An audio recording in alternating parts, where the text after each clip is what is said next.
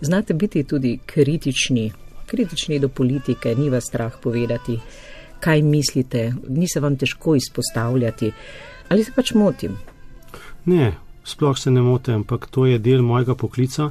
Si zamišljate v kirurgiji, da se ne bi izpostavljali in da ne bi radikalno odrezali tisto, kar ni živo, oziroma maligni tumor, in potem napravili rekonstrukcije. V kirurgiji si ne smemo zatiskati oči in če bi vsi ostali upravljali enako svoje delo, teh težav, ki jih imamo danes, ne bi imeli. Se pravi, odstraniti je potrebno vse, kar nam škoduje in potem vzpostaviti novo stanje. Tako na telesu, kot stanje duha spremeniti oziroma finančno stanje, če želite. Torej gledate posebno medicinsko kot neko stanje šoka, v katerega smo ja, zašli. Gledam, gledam racionalno in se sprašujem, ali sploh imamo krizo, ali je ta kriza zgolj navidezna. Predvčerajšnjem, ko sem se peljal v službo, sem poslušal, da je projekt razvoja uh, lovca, novega lovca, vreden tisoč milijard evrov. Uh, prebral sem v časopisu, da, bo Ronaldo, uh, da bojo Ronaldo povišali plačo na 20 milijonov evrov. Uh, berem o pasih hotelih, se pravi, ali živimo v resnični krizi ali je to samo navidesna kriza, prerasporeditev neustrezna. In jasno, tukaj moram biti zelo razočaran tudi nad, uh, nad mediji, ki so nedvomno del vsega skupaj. In do zdaj nisem slišal nobene oddaje, o, ki bi javno in iskreno spregovorila o krizi v medijih. Jaz se spominjam, bil sem še vojak JNA. Na prvem predavanju so nam v hrvaščini rekli, momci treba zauzeti odašiljače, dobili smo rad. V prevodu treba jo dajnike najprej zasešt, potem bomo dobili vojno. Se pravi, mediji imate gromozanski vpliv, ki pa ga ne vem, če ga dovolj dobro izkoriste v pravo smer. Pomeni odločiti se, kaj je ključno. Vsekako. Kaj... Lejte, enako kot doma. In enako kot, v, v, kot sem že povedal, pri meni je ta prednost, da vem, kaj so resnični problemi in poznam ljudi z različnimi in resničnimi problemi, ki so v bolnišnici. Vse ostalo so pa veliko navideznih problemov, eh, nekega virtualnega sveta, eh, popačenih odaj, popačenega sveta. Drugače pa, če nekdo pogleda z ptiče perspektive, tako kot je pilot, ko je preletel svet v pipi streljevem letalu in ugotovil, da poseljena sploh ni problem. Se pravi, tudi finančna kriza, praktično, če bi prerasporedili tako, kot je prav, ni nobenega problema.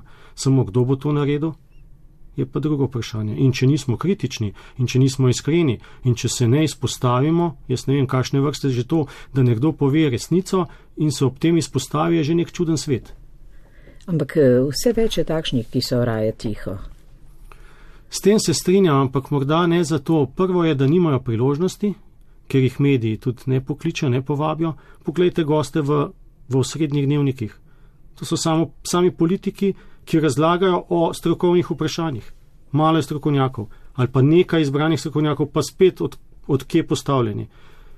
Se pravi, pr glaven problem je tudi relativizacija stroke, vse je relativno kot v bivši Jugoslaviji pred razpadom in uh, neke vrste balkanizacija Evrope na mesto obratno in seveda odličen poligon za širjanje eh, temnih misli, negativne energije, zgubljanja moči, eh, intelektualnih potencijalov na no, nezadnje. Vsekakor in to smo pa sploh slovenci nagnjeni žal k temu.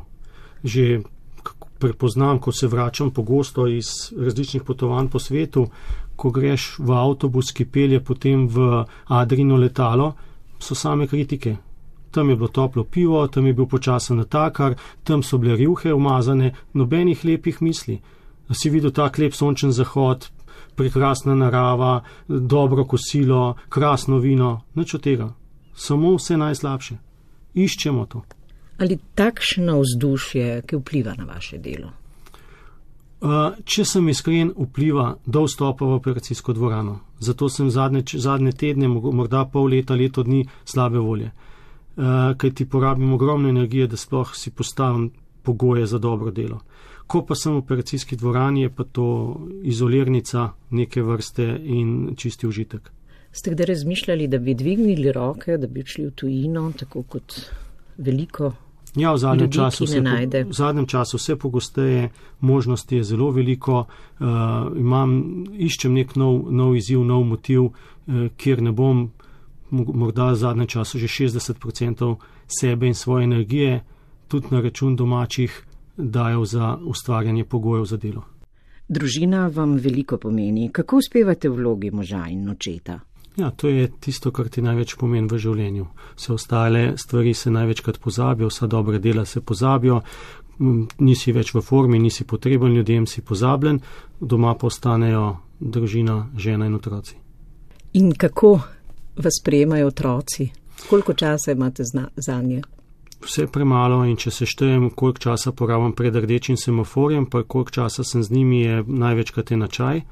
Drugače pa menim, da kot vzgojitelj, kot starš, je dobro, da si podobno kot nogometni zdravnik, da pustiš svobodo igre, ob prekršku v kazanskem prostoru pa zapiskaš in tudi morda podeliš rumeni ali rdeči karton. Ampak še vedno sodite seveda med zdravnike, ki želijo tudi zadovoljnega bolnika.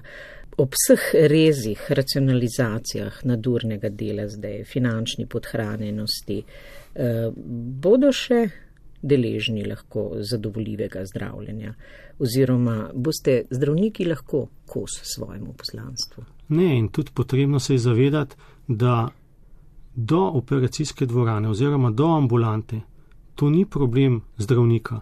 Problem zdravnika se začne, ko obravnava pacijenta. Njegovo delo je strokovno delo.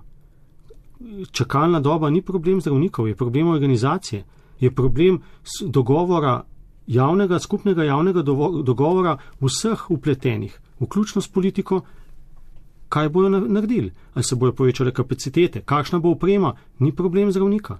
Mi bi radi, mi želimo imeti najboljšo opremo, bi, mi želimo biti najbolj učinkoviti, ampak do opreme prideti pa ni problem in kot sem že večkrat omenil tudi v zadnjem času. A veste, zelo žalostno je, ko pogledaš, koliko telefonskih klicev, koliko utemeljevanj je potrebnih za nabavo opreme, zbiranja medvedkov, zbiranja zamaškov, da dobimo ustrezno opremo. Ob tem pa potem ugotoviš, da vsi ob tebi niso bili prav nič racionalni da se v milijardah merijo uh, slabe naložbe. Jaz samo uh, izražam veliko razočaranje, glede na to, da vidim, da vsi moji kolegi in sam osebno dajemo ogromno energije za dobro, varno in učinkovito delo v korist vseh ljudi. Lahko pa so tudi neke slabe izkušnje, ponesrečeni primeri, slabi zdravniki, leni zdravniki, vendar pa za naš oddelek to ne morem reči.